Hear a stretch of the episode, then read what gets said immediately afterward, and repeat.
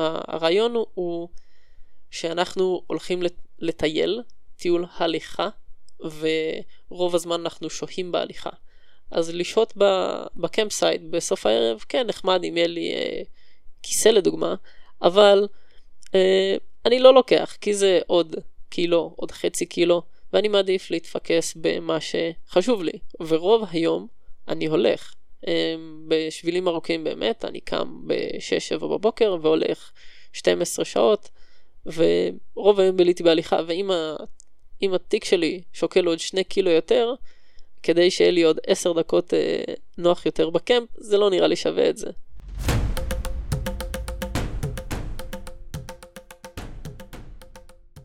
ברוכים הבאים למסע. אנחנו בפודקאסט לטייל בקלילות, ואני אריה פישלר, מארח, ומספר לכם על כל מיני דברים שקשורים למסעות. נדבר בעיקר על טרקים ומסעות רגליים רב-יומיים, אבל לא רק. יש עוד חוויות מסע מרתקות מעולמות שונים שתשמעו עליהן, וכמובן, כשיוצאים יש לקחת איתכם ציוד מתאים, וגם בזה נעסוק ונמליץ. אז בואו נתחיל, פרק נוסף. הפודקאסט בשיתוף My Tracks, שירות לייעוץ והתאמת תוכנית אישית לטרק שלכם, וגם חנות לציוד טיולים קל ואיכותי. לפרטים נוספים מוזמנים לבדוק את planmytracks.com.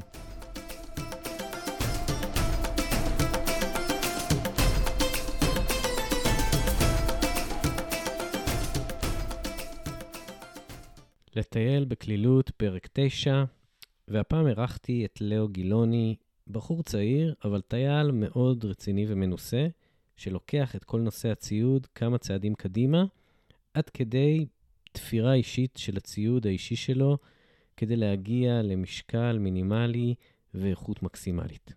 מוזמנים להקשיב. טוב, לטייל בקלילות. אה, הגיע הזמן לדבר קצת בצורה כללית ורחבה יותר על נושא הציוד ומה שנקרא עולם ה ultralight. כדי להבין מה הפילוסופיה, מה, מה זה כולל, ולהפוך את זה למשהו אה, שכל אחד מבין ולא לא דבר מאיים, כמו שאולי נגזר מהמונח הזה, שהוא תמיד אה, קצת נשמע אקסטרימי, ultralight, הבאתי פה איש מעניין, אה, לאו גילוני, אה, ברוך הבא.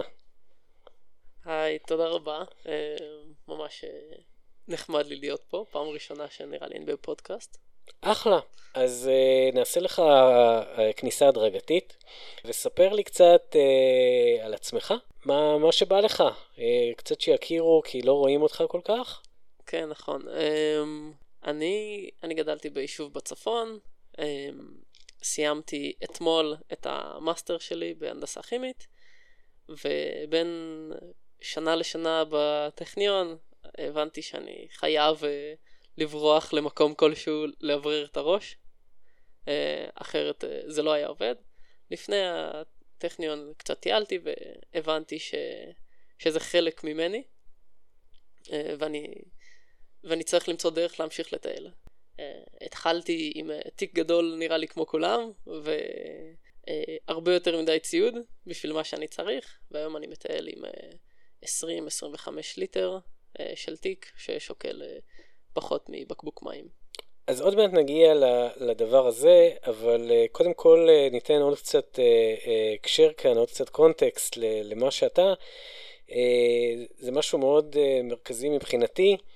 ומדובר על קהילה בפייסבוק, קבוצת פייסבוק שנקראת ultralight, לטייל יותר, לסחוב פחות או הפוך, אבל מדובר בקבוצה שהיא באמת אה, אה, מרכז מידע מדהים לנושא הזה של אה, טיילות עם ציוד קל. ואני יכול להגיד שאני באופן אישי, uh, מבחינתי זו, זה היה המקום, דרכו נכנסתי ולמדתי. ואספתי המון המון אה, ידע שמביא אותי גם לפודקאסט הזה כחלק מכל האהבה שלי לתחום. אז ספר אה, איך הגעת לקבוצה הזאת ו...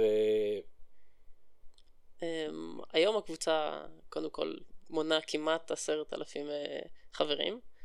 אמ, אני, אני הצטרפתי, אני חושב, בתחילת 2020.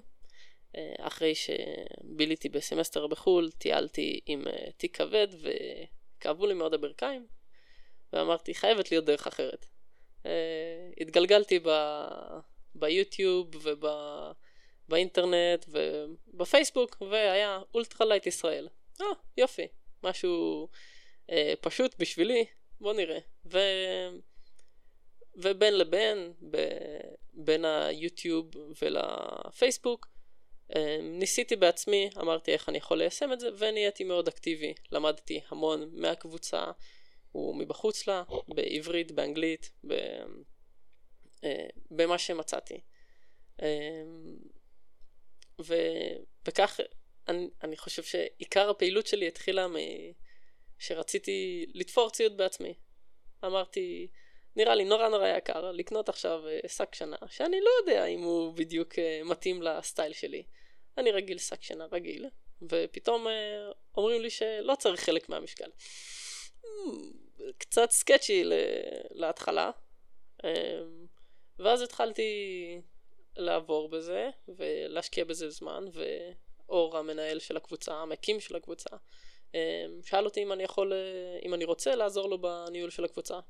ומאז אני אחד מהמודרטורים של הקבוצה, ואנחנו עובדים ביחד, אז אתה מדבר על uh, לתפור שק שינה, כאילו זה ללכת ולהכין uh, טוסט ב, uh, במטבח. Uh, בעצם גם בעיניי, באחד שלא מסוגל לעשות שום דבר עם הידיים שלו, זה מאוד מאוד uh, uh, מוזר. ואיך בעצם מגיעים לקבל את היכולת הזאת של uh, בוא, לתפור שק שינה, משהו שאתה צריך לסמוך עליו בטמפרטורה לא ידידותית. איך אתה... Uh, מגיע לזה, ואיך אתה באמת אה, מגיע למצב שאתה אומר, וואלה, אני, אני סומך על זה. אז אה, זו שאלה, שאלה חשובה באמת. איך אני אה, בעצם הג, הגעתי למסקנה שזה, ה, שזה הדבר הנכון לעשות. אה, אז אה, אני ראיתי חלק מהשיטוט שלי שהרבה אנשים, אה, או כמות מסוימת של אנשים תופרת לעצמם את הציוד.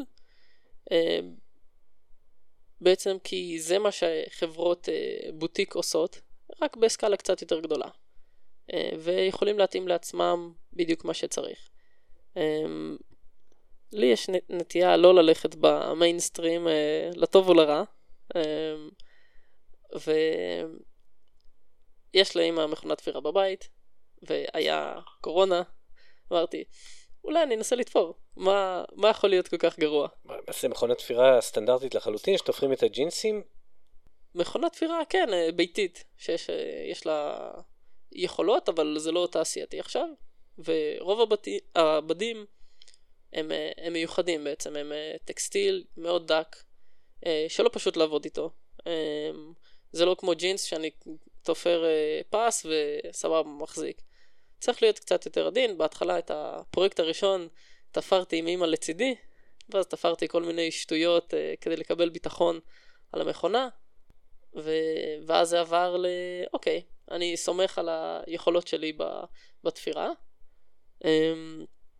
עכשיו, uh, כדי, קודם כל יש, uh, קניתי היפוך סינתטי, שזה יותר פשוט uh, מהיפוך רגיל, זה מגיע כיחידה אחת, ירייה אחת, אז עושים סנדוויץ', יש לך את השכבה הפנימית שאיתך, את הבידוד ואת השכבה החיצונית.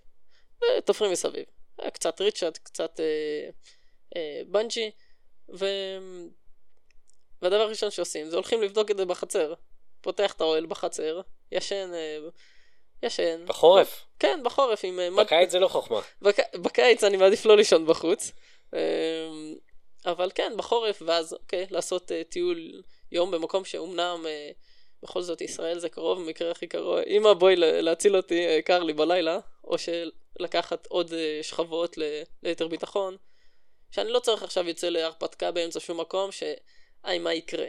Uh, נוסע לגולן, לא מאוד רחוק, uh, קצת יותר קר, ישן, וואלה, סומך על זה uh, אחרי כמה ניסיונות, גם הפידבק שכאילו אתה מקבל הוא, הוא לא לגמרי, לא הייתי, חשבתי שלא יהיה שום, אה, כאילו אני אבוא לעשר מעלות ו, ואז יהיה לי קר. אה, להפוך יש כמה, כמה רבעים, ואז מכוונים אותך שפחות או יותר הקומפורט הוא בין 0 ל-3, או הקומפורט הוא בין 5 ל-10. בסופו של דבר כל ציוד הוא מאוד מאוד ספציפי לך, יש אנשים שחם להם יותר, קר להם יותר, אמ, הזרימה שלהם לרגליים טובה יותר או פחות, אז אתה צריך כל ציוד שלך לפני שאני יוצא איתו לטיול ארוך, אני מנסה איתו ב... מאחורי הבית מה שנקרא, בסביבה שבתוכה, שלא יקרה שום דבר. גם אם זה אוהל, או שק שינה, או תיק, אני יוצא עם זה לסיבוב, יום, יומיים, משהו שהוא בשליטתי. כי אחרת אם אני נתקע באמצע גיאורגיה לדוגמה, ואין לי איפה לקנות שק שינה, אה, אני בבעיה קצת יותר גדולה. אז הזכרת את המושג הזה קומפורט בנושא של אה, שקי שינה, ואולי נזכיר קצת אה, או, או נסביר שכשמדובר בשקי שינה אז יש אה, שני פרמטרים, נכון? חשובים, או לא יודע אם הם חשובים, אבל פרמטרים שמרבים לציין אותם, וזה הנושא של הקומפורט והלימיט. והיצרנים באים ואומרים, היי קומפורט, תקשיב, בטמפרטורה כזאת יהיה לך נעים, והלימיט זה אה, שמע חבוב, לא כדאי לך, אם קר יותר מהלימיט, לא כדאי לך להתעסק עם השק שינה הזה, עדיף לחפש לך משהו יותר חם. וחשוב לדעת שכל הנושא הזה של המספרים האלה הוא מאוד מאוד מבולגן אולי, ו- וזה לא איזושהי תורה מסיני. והרבה אנשים כשמחפשים שק שינה לא צריכים להתעלות בפרמטרים האלה כמשהו אה, מאוד מאוד אה, אה, כן, פסיבי. זה... בסופו של דבר, התחושה שלך בתוך השק שינה, כמו שאמרת, היא אישית, ובנוסף לזה, אה, זה גם בסופו של דבר תלוי כמה בגדים אתה לובש גם בתוך השק שינה. כלומר, אפשר לשחק עם זה, ו... ולפי זה להגיע לטמפרטורה שנוח לך באופן אישי אה, לישון בה. כן, יש המון פרמטרים, ובסופו של דבר הסטנדרט נקבע בחדר, במעבדה, בתנאים, ויש לך מספר. המעבר בין מספר לתחושה הוא תלוי בכל בן אדם. אז, אז חשוב מאוד לא, לא להיבהל ולא להתעלות במספרים האלה אה, ולהבין שזה איזושהי הערכה גסה. אה, גם כשמדובר בתקנים אה, אירופאיים או, או משהו שנשמע מאוד מאוד מדויק, עדיין לא מדובר במשהו מדויק ובסוף ההרגשה היא אישית. וזה רק נותן סדר גודל של מה הייעוד אולי של, ה, של הסק"ש. אה, בצורה קצת אה, אה, לא מאוד מאוד דקיקה. כן, בסופו של דבר אני חושב שאחד האפשרויות, או אחד הדברים שאתה לומד עם הטיולים, זה את הציוד שלך. ואני חושב שזה הכי חשוב, לדעת מה הוא מסוגל לעשות, מה אתה מסוגל לעשות, ואיפה נוח או לא נוח. האם אני, השק שינה שלי, אמנם אני יודע שהוא סינתטי, הוא יכול בקצת לחות, אבל אם הוא יהיה רטוב, עדיין לא יהיה לי נעים. אבל אני יודע שאני מסוגל לשרוד את זה, זה או אני יודע שבטמפרטורה מסוימת, עדיין גם עם השק שינה, גם אם הוא פתוח וזה, יהיה לי חם מדי. אבל זה דברים שאתה לומד uh, ספציפית על הציוד שלך, על, ה, על היותך, איך אתה, איפה אתה ישן. זה חלק מהסט הכלים שלנו, להבין מי הציוד ומי אתה. וזה אינדיבידואלי לחלוטין. אז הקטע שלך באמת, כמו שהתחלת ככה, זרקת אותנו פנימה, זה הנושא הזה של uh, אתה מכין לעצמך את הציוד. אז הזכרת סק"ש, והבאת לנו פה uh, תיק ש, שגם עשית בעצמך, וזה בעצם יותר מסובך מסק"ש להכין כזה תיק? כן, כן, אין ספק. Um, ב, את, ה, את הסק"ש הראשון, um, הסתכלתי, ב... היה סרטון ביוטיוב של בחור מאוד נחמד שגם השאיר את הפרטים, איך ואת המדידות, ועקבתי אחרי ההוראות. התיק, הסתכלתי על סרטון של מישהו אחר, גם מאוד נחמד, השאיר הוראות, אמ, אבל זה, בכל זאת יש לך, הוא משאיר את ההוראות קצת אמורפיות. בעצם אתה משלים לכמה אתה רוצה. אני רוצה שהתיק ייפתח יותר, פחות, שיהיה. אה, מתאים לגובה שלי. בעצם ה... אתה רואה את כל ה... יש לך הרבה יותר מדידות שאתה יכול לשנות. אז אני, אני חושב שבתור מהנדס חסר לי קצת את הפן היצירתי, ואני חושב שתפירה וייצור של דברים זה חלק uh, שמאוד חסר לי. Um, אז אין לי בעיה לשבת ולצייר ולקשקש ולחשוב איזה נפח אני צריך, באיזה צורה, איך אני צריך לחתוך את הבד, וחלק מהתכנון הוא הכיף.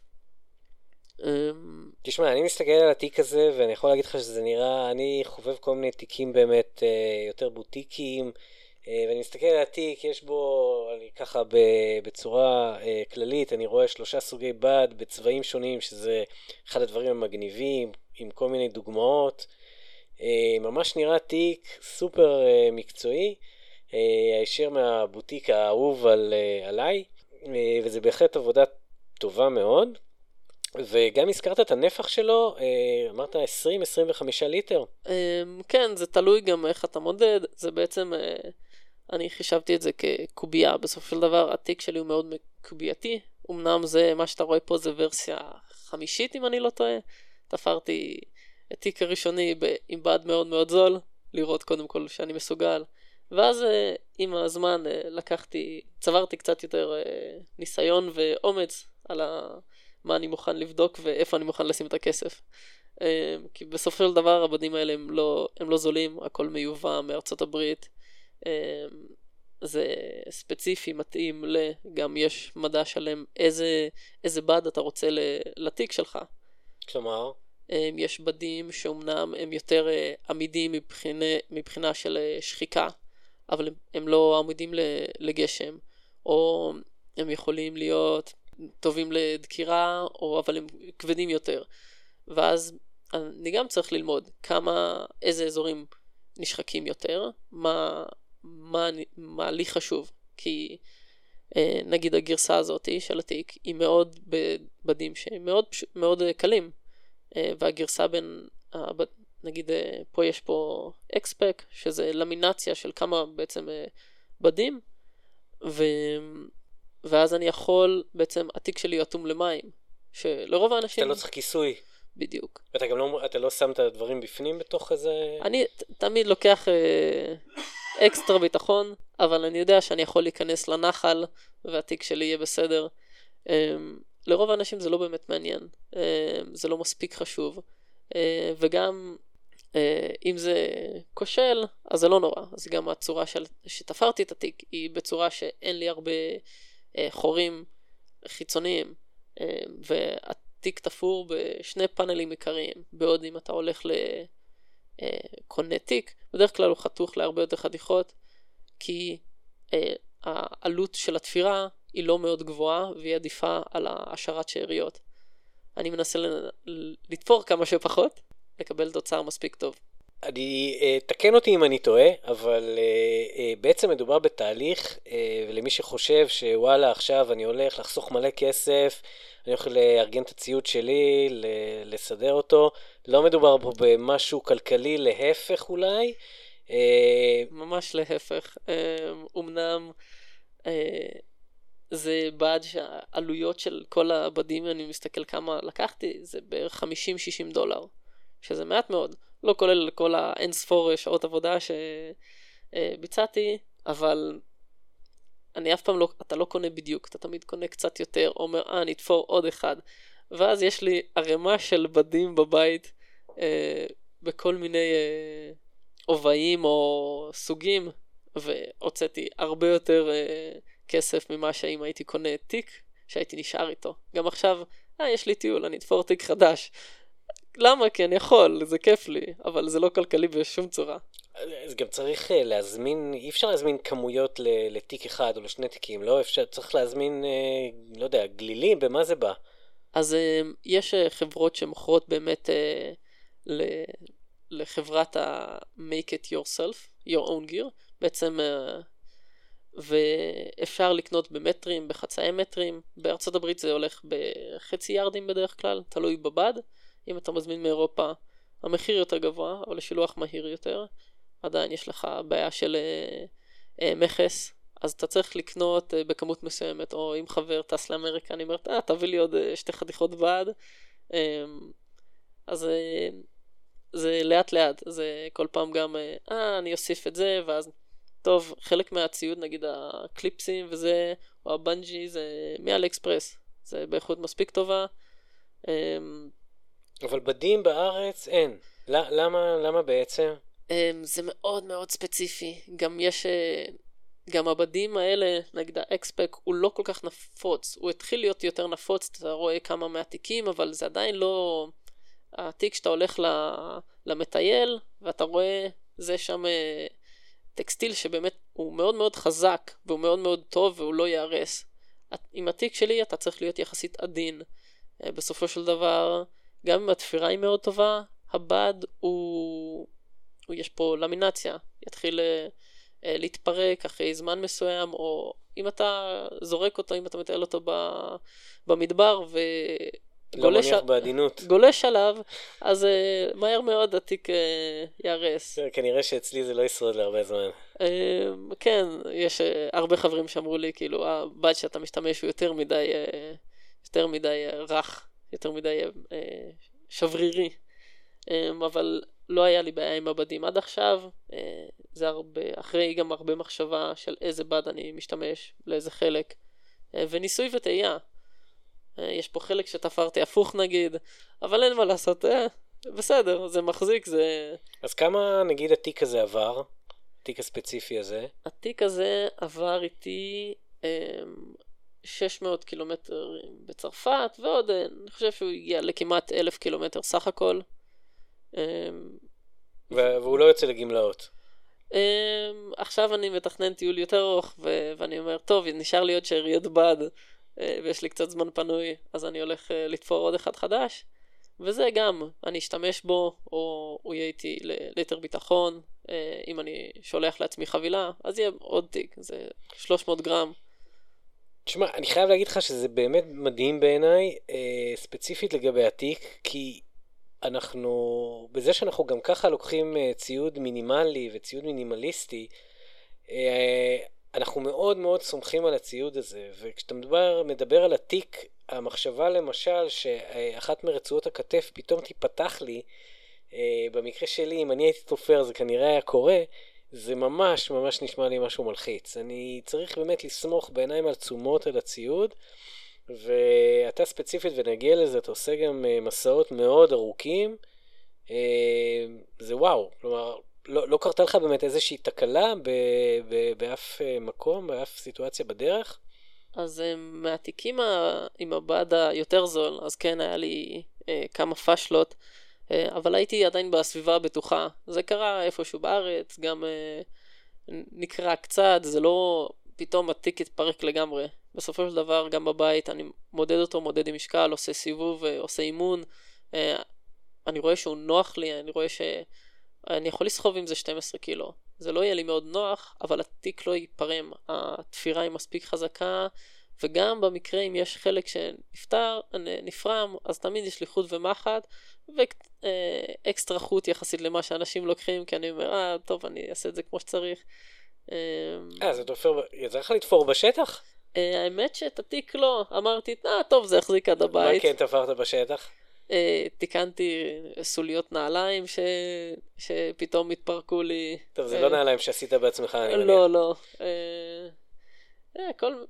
האמת שכמעט ולא השתמשתי. אני חושב שעשיתי מספיק טסטים בבית, אה, ובסביבה בטוחה באמת, וגם התיק הקודם שלי גם עבר אה, בערך אותם קילומטרים ואותו דרך, ולא, כאילו, הוא לא, לא יתקלקל או משהו, הוא עדיין יכול להשתמש בו ואני, ואני אשתמש בו, אבל הוא נועד לסחיבה יותר מסיבית, יש לו קצת אה, אה, מבנה ושלד, ואז אני יכול לקחת איתו באמת 14-15 אה, קילו ולי סבבה, אבל רוב הזמן, עכשיו בטיול האחרון הייתי עם 4 קילו של ציוד, אני לא צריך את זה. רגע, רגע, רגע, אז פה תכף, תכף אני רוצה לגעת בנקודה הזאת של 4 קילו.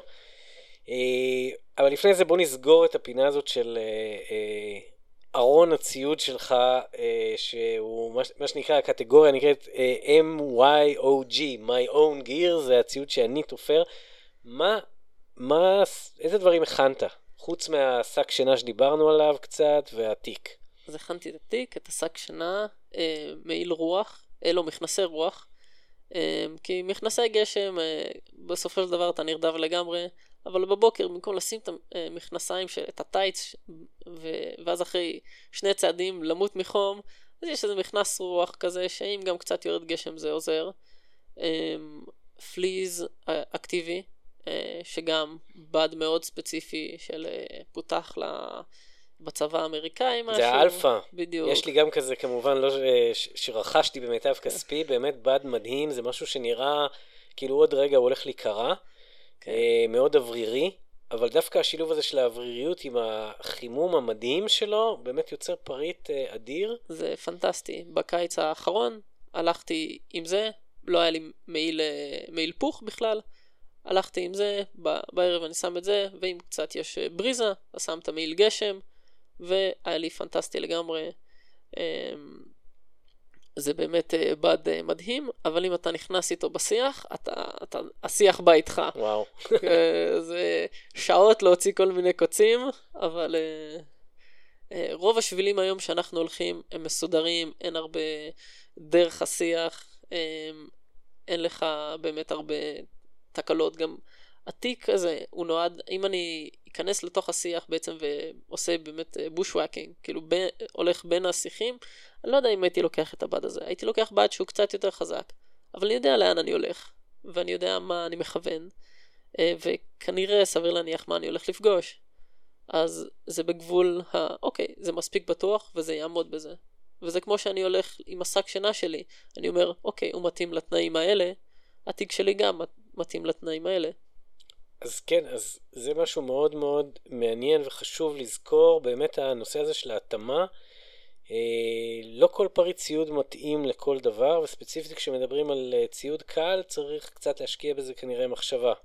אוקיי, ומה, אמרת מעיל פוך, אתה לא הולך, אה. אבל בכל זאת, אחד, הכנת. כן, תפרתי, טרם בדקתי אותו על אמת. חדש? זה, הוא חדש, אבל בעצם זה אותו בידוד שיש לשק שינה, רק בעובי נמוך יותר, וזה אותו אה, מעיל שאתה קונה מ-Enlighted Equipment ב-200 דולר, 250 דולר, אז עם אה, טונה של שעות עבודה, הרבה פספוסים, ו...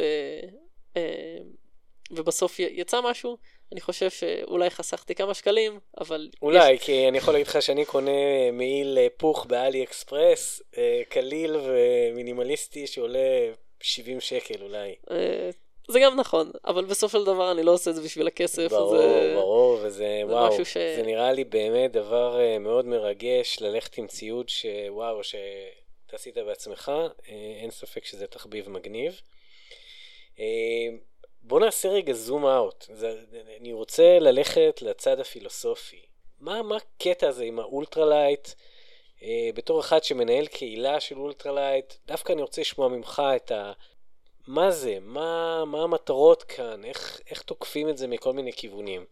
אמ, זו שאלה מעניינת. זו שאלה מאוד מאוד חשובה, שהרבה אנשים אה, רואים באמת את ה ultralight ואומרים, זה, זה too much, אני לא יכול לטייל ככה, זה, זה לא מרגיש לי בטוח.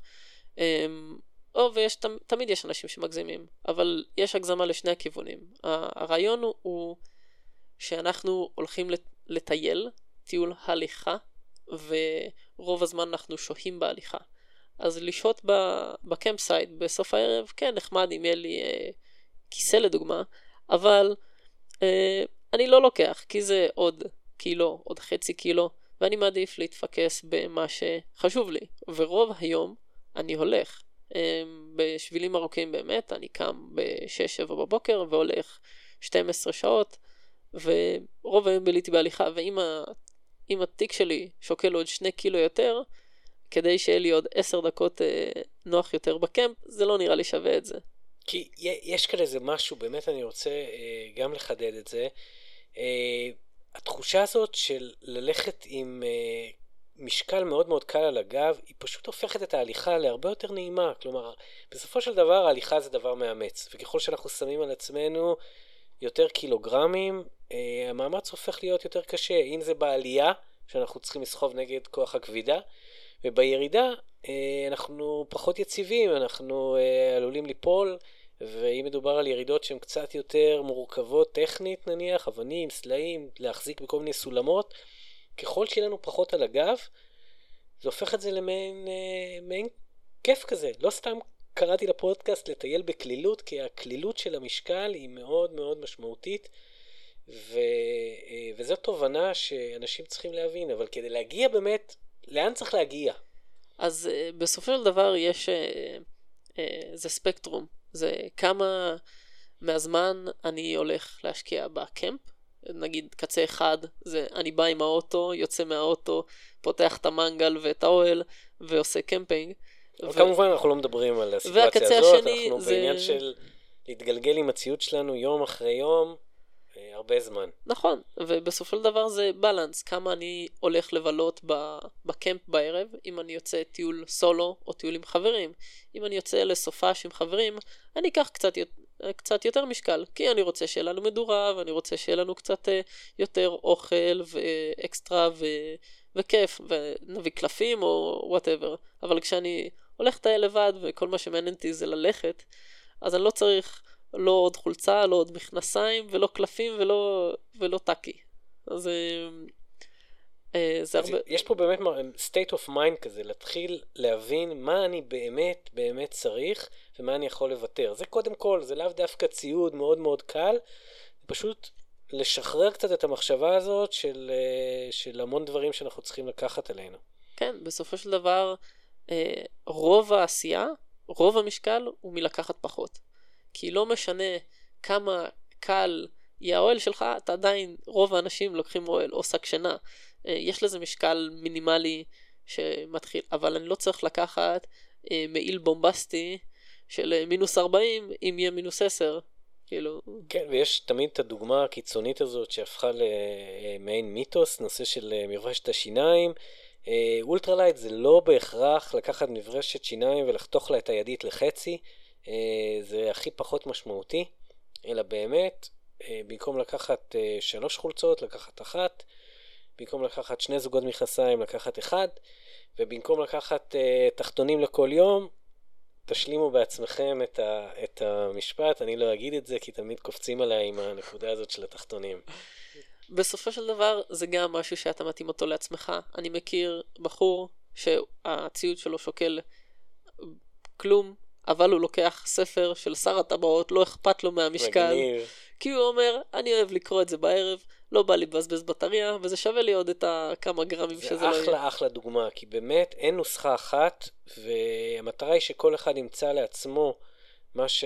מה שיעשה לו טוב ומה שהכי נוח לו, אה, וזה, וזה יכול להתבטא בכל מיני צורות, ולפעמים שווה לקחת, למשל אני לוקח... אה, מזרון יותר רחב, הייתי יכול לקחת מזרון יותר קליל, אבל ראיתי שפחות נוח עליו. וכנ"ל לגבי הכרית. אה, זה בסופו של דבר איכות השינה בלילה היא לפעמים לא פחות חשובה מאיכות ההליכה. צריך למצוא את הבלנס, צריך למצוא את האיזון הנכון אה, מהבחינה הזאת, אבל שיהיה באמת בראש את המחשבה הזאת של איך אני עוזר לעצמי אה, ללכת יותר בצורה קלה.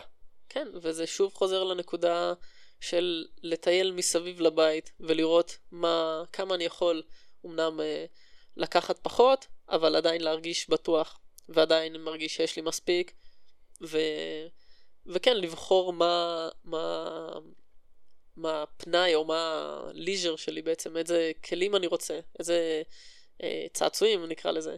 שאני אוהב לקחת mp3, ואנשים צוחקים עליי, כאילו, מה אתה לוקח mp3, כאילו זה... כאילו בנוסף לטלפון, אתה אומר. כן, כי אני אומר, זה לא מבזבז לי בטריה, זה, זה נעצר אחרי חצי שעה, ככה אני הולך לישון, יותר נוח לי, כי אם אתה בגסטהאוס והפקקים לא עוזרים לי, זה מה שזה, ו... אבל הדבר הראשון שאנשים מסתכלים על כל הסט שלי, למה אתה לוקח mp3? וכי זה קצת כאילו לא קשור, אבל זה שוקל 25 גרם, ואני אומר, זה, זה שווה לי את זה. ו, ויש אנשים שזה מגיע להם למשקל כמובן יותר גבוה, כמו, אה, אני לא אציין בשמות, אבל יש אנשים שלוקחים אה, כיסאות. אה, אומנם... או, כיסאות, כיסאות אה, ultralight זה דיון אה, אדיר. יש, גם, גם בזה יש כיסאות מאוד מאוד קלים יחסית. כן. אבל בסופו של דבר, זו החלטה שלך, ומה אתה מתכנן לעשות בסוף היום, ואיפה הגבול שלך. כי אני יכול לקחת במקום אוהל, אני יכול נגיד לקחת tarp, ובעצם אני יכול להסתדר עם זה. שאלה אם זה יהיה לי נוח, אמ, או לאיזה טיול זה יהיה לי נוח. אמ, וזה, אמנם זה גם חוסך במשקל, אבל זה גם יש אה, חוויה אחרת, כשאתה ישן בעצם ואתה פתוח, אתה מרגיש יותר בטבע, לדעתי. אה, אבל לא לכל טיול אני אקח אה, טארפ. טארפ זה, מי שלא יודע מה זה המונח הזה, טארפ, טארפ זה בעין ירייה. שהיא מחליפה אוהל, ובעצם יש לה רק איזשהו כיסוי עליון, ישנים על הרצפה. כן, אז uh, אתה יכול, uh, יש כאלה שישנים בתוך uh, שק רשת כזה, יש כאלה שישנים בלי, גם תלוי, יש חרקים, אין חרקים. Um, עלה עליי, נגיד, ישנתי פעם אחת במדבר, עלה עליי כיפות באמצע הלילה. כיפות במדבר? כן, כאילו, רנדומלי. אז זה יכול לקרות, אבל uh, רוב הזמן לא נפגשתי בשום חיה, בשום uh, זה. הם... זה באמת uh, שאלה שתמיד עולה כשאני אומר, נגיד בארץ, יוצא לשינה בחוץ בקיץ, אני אומר לא צריך כלום, ישר הנושא של החיות עולה. זה באמת סטטיסטית, זה סיכוי מאוד מאוד קטן. וזה, וזה כיף לפעמים לישון גם בלי כלום. כן, אז זה, זה שוב, מה אני מחפש, מה הציוד שלי יכול לתת, ואיך אני ארגיש בטוח וכיף לי. זה בסופו של דבר אה, כמו כל ציוד אה, וכל טיול, אתה בוחר לאן אתה נוסע. זה אותו בחירה לדעתי, איזה ציוד אתה לוקח. נכון. זה חלק מזה. כן, עכשיו, הזכרת את זה, זה באמת משהו מאוד מאוד חשוב, הנושא הזה של להתנסות בציוד. הרבה פעמים, אני מזמין לא מעט דברים מהאינטרנט, ותמיד הנושא הזה של למשל נעליים, מים למדוד, וכנ"ל גם תיקים, אנשים אוהבים למדוד. ובסופו של דבר אני תמיד אומר, וואו, אם הלכת לחנות ושמת את התיק על הגב בחנות, ואפילו מילאת אותו בבקבוקים או במשקל כלשהו, זה לא באמת לבדוק את הציוד שלך. ו... אין תחליף לנושא הזה של uh, לבוא ולצאת, כמו שאמרת, לטיול או למסע כלשהו ליד הבית, זה בסופו של דבר הדרך היחידה לבדוק את הציוד. שום בדיקה בתוך uh, סביבה סטרילית לא תיתן את זה. Um, כן, זה, זה גם לגבול מסוים. כמו שאומרים, ההכנה הכי טובה לשביל של אלף קילומטר זה לעשות שביל של אלף קילומטר. אבל אתה לא יכול לעשות את זה, וזה מפספס את הפואנטה. אתה... לוקח כמה שאתה יכול במאמץ נמוך ללכת לישון אה, מחוץ לבית יום יומיים לא גם משהו ששובר לך כל כך מהשגרה אה, או מוסיף לך תלוי באנשים ובתעסוקות שלהם אבל ככה אני מרגיש יותר בטוח וגם קרה לי שטסתי ופתאום אופס אה, את זה לא בדקתי וזה נכשל. מה זה היה? סתם זה היה בתחילת הדרך הייתי עשיתי סמסטר בסין ואז נסעתי למונגוליה ו... והאוהל, משהו שם התפקשש בחלקים ששלחו לי, ולמזלי היה, היה מקום spare למישהו, אבל לא היה לי אוהל, שזה כאילו, לא, לא ציפיתי שאני אמצא את עצמי בנקודה הזאת. אבל היום אתה יוצא עם אה, אוהל? כלומר, הזכרת, אה, אני חוזר רגע לתיק פה ש, שיושב לידינו, תיק קטן של 20-25 ליטר, רק אה, כדי שנשים את זה בפרופורציה. תיק של 20 אה, ליטר זה הרבה פעמים פחות ממה שאנשים קוראים תיק יום. כלומר, לצאת לטיול יום, לפעמים לוקחים תיק יותר גדול. וזה אמנם משהו שבטרק של אה, בקתות, זה משהו אולי מאוד נוח ומאוד סטנדרטי, אבל אתה לא מדבר על זה. אתה בעצם לוקח ציוד שלם, כולל לינה, בתוך התיק הזה של 20 ליטר. כן, יש לי מזרון מתנפח, אוהל, שק שינה, אה, בגדים ללילה עם קר, אה, אוכל, אני יכול להכיל פה לעשרה ימים. עשרה ימים בתוך התיק הזה? כן. אתה לא טוב, איך שאתה נראה, אתה באמת לא אוכל הרבה. אמ, אז זה לא יהיה מאוד נוח, אבל אני יכול לעשות את זה לשבוע נכנס אה, בכיף, וגם בטמפרטורות סך הכל נוחות. אני לא הולך לעשות טיול בשלג, ואני חושב שהטמפרטורה בדרך כלל שאני מטייל אליה זה נגיד מינוס חמש בלילה יורד הכי נמוך. אז רוב היום אני בלבוש די מינימלי, ויש לי, אני יכול לסחוב גם uh, הרבה מים בחוץ, ובעצם כל הגישה היא שאני בונה את התיק ביחידה, כיחידה אחת. אני ממלא אותו, ובעצם uh, מוותר על כל החללים שיכולים להיווצר בין לבין, אם אני, יש לי קוביות uh, ארגון כאלה, אז הן לא יושבות וממלאות את התיק בדיוק. אז יש לך רווחים של אוויר או um, שסתם נפח שמתבזבז, או יש לך כל מיני כיסים מסוימים, יש לך ריצ'רצ'ים, אז... אז איך אתה פותר את זה?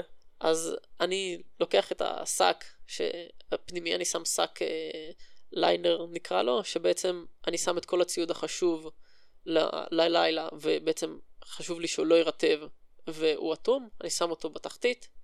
המזרון שטח נותן לי קצת מסגרת מול הגב, האוכל מעל, את כל השאריות מעל. והמזרון הוא גם, כלומר, השק שינה נכנס, אה, שוב, השק שינה בדרך כלל בא עם, עם מין אה, אה, נרתיק כזה משלו, אתה כמובן מוציא אותו. ופשוט דוחס את השק שינה בתוך התיק, המזרון גם, כלומר... אז הוא... המזרון, אה, אני מקפל אותו כדי שהוא יבנה, ייתן לי מבנה מסוים לגב, וגם אני מסדר את המשקל הכבד קרוב אליי, את האוכל אה, קרוב לגב, כדי שיהיה לי יותר נוח גם לסחוב ולא ייקח אותי למטה. אה, וגם זה יוצר מקשה כזה, קובייה, אני סוחב בסופו של דבר קובייה, ובמהלך היום אני לא פותח את התיק כמעט.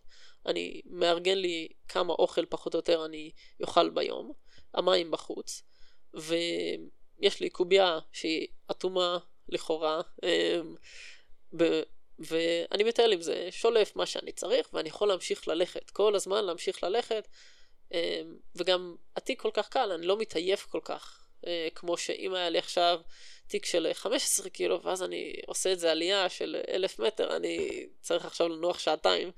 אה, זה, אוקיי, נח עשר דקות וממשיך הלאה. אה, אם יש נוף יפה, אז בכלל, אם יורד גשם, אין, אין ברירה, אז ממשיכים. תגיד, היית מגדיר את עצמך כבן אדם קצת סגפני? לא, לא יודע. זה... כי תמיד מהסיפורים שלך נראה לי שאתה באופן כללי אה, לא קר לך, או קר לך ואין לך בעיה לספוג את זה. אה, כי אתה באמת לוקח משקל מאוד מאוד נמוך, אני לא מצליח להגיע לקרוב לזה אפילו. אז יש לך, או שיש לך יכולת uh, לספוג uh, סבל קצת, או שאתה נהנה מזה.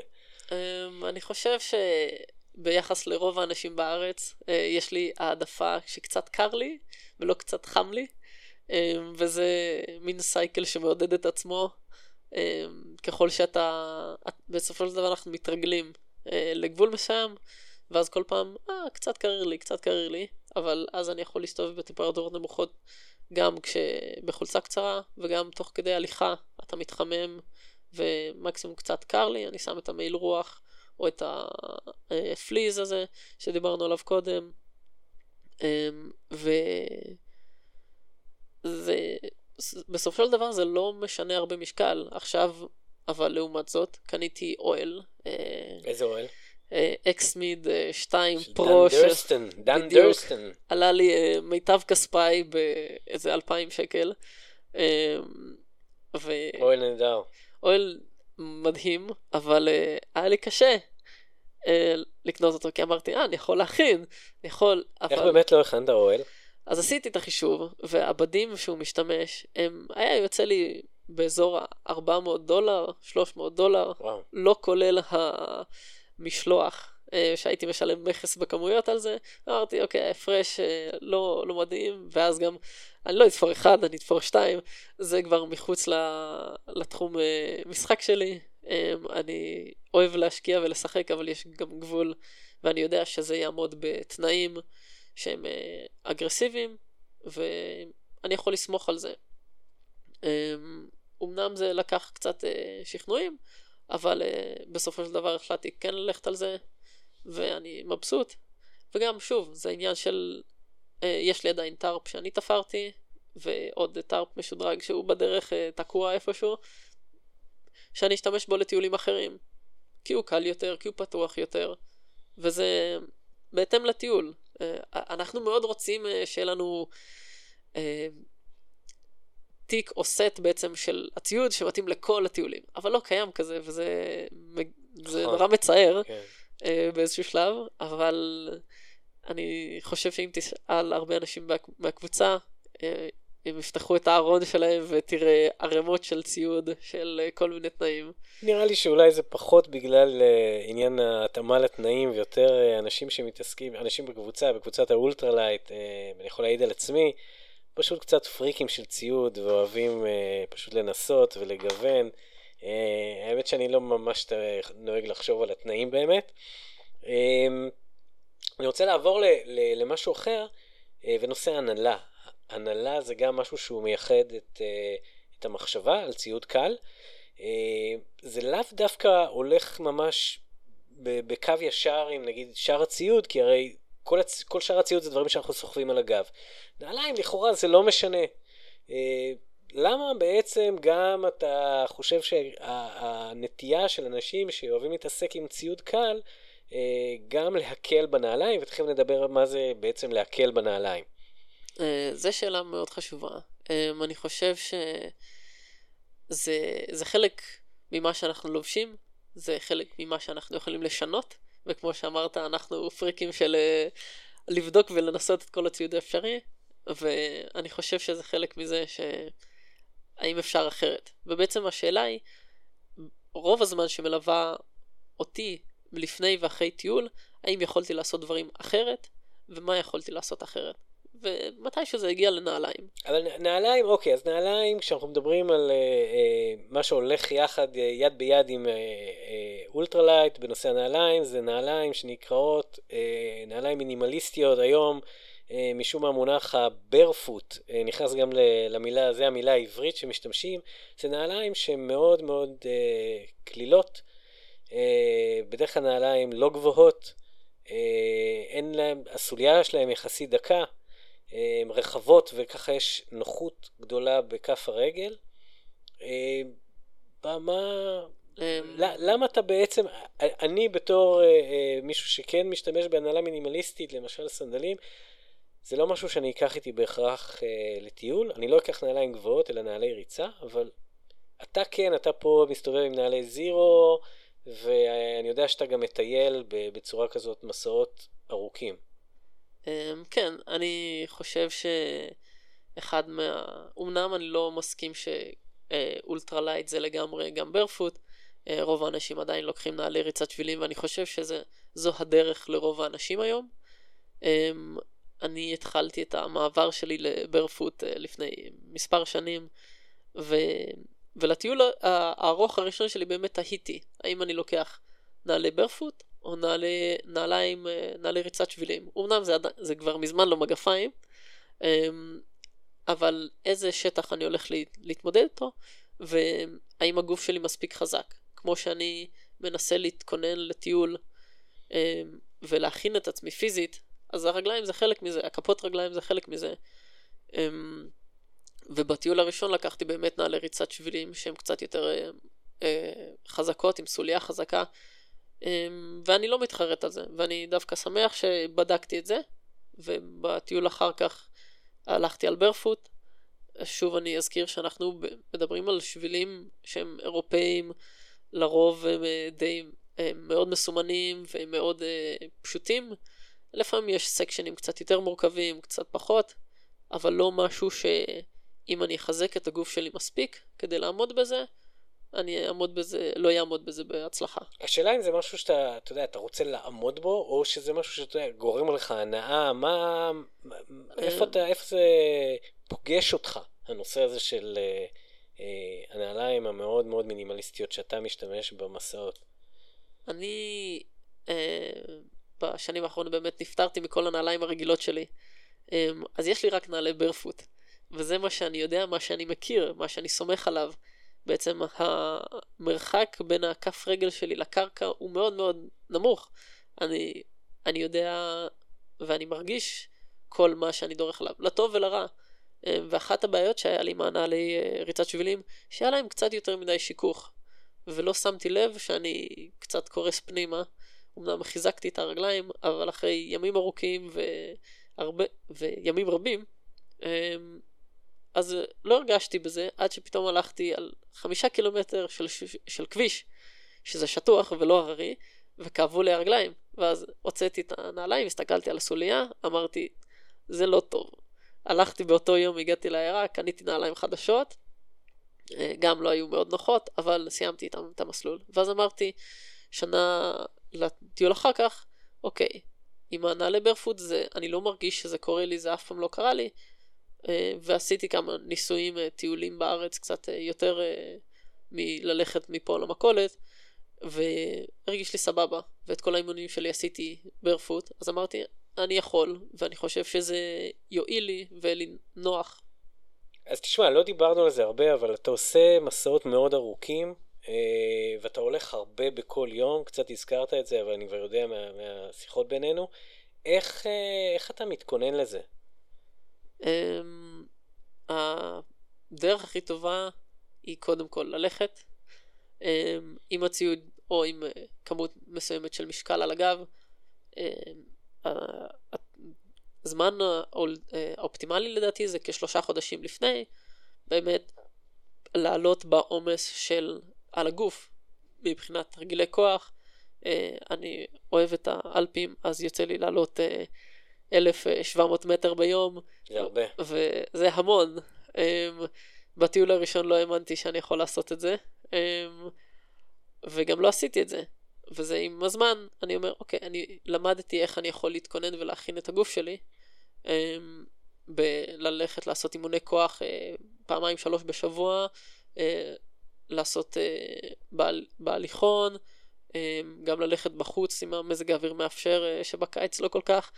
ובמעונות שאני גר בהם יש 17 קומות, אז אתה עולה ויורד עם משקל, ושבוע אחרי זה אתה מוסיף משקל, ועוד משקל, ועוד משקל. ובסופו של דבר הגוף מתחזק ומתכונן, אבל עדיין, כשאני מגיע לשביל, אני צריך לזכור שזה לא אותו דבר. כי ישבתי כל היום, כל הימים מעבר לשעה, שעתיים שהתאמנתי, אז בת, uh, אני מנסה לעשות את זה הדרגתי. ועכשיו בטיול האחרון שעשיתי, זה לא היה הדרגתי ו, והגזמתי ונפצעתי. מה קרה? אז הלכתי ביומיים uh, וחצי מהקילומטר עם uh, 5,500 מטר עלייה וירידה. אמנם היה לי מאוד כיף, אבל uh, אמרתי, עשיתי, הגזמתי קצת. וזה היה על היום הראשון, כי אמרתי, אה, אם אני יכול להספיק לעשות את זה ואת זה ואת זה, אני אעשה את הלופ שתכננתי. אה, בסוף לא לופ ולא חצי לופ, אבל uh, אני חושב שזה חלק חשוב מה, מהסיפור של כן uh, להקשיב לגוף, והייתי צריך לעצור וכשכאב לי, או כשקצת כאב לי, ולעשות מתיחות. זה לא משהו נזק בלתי הפיך, סתם מתחתי אחד השרירים, ויכולתי לחוקות את זה.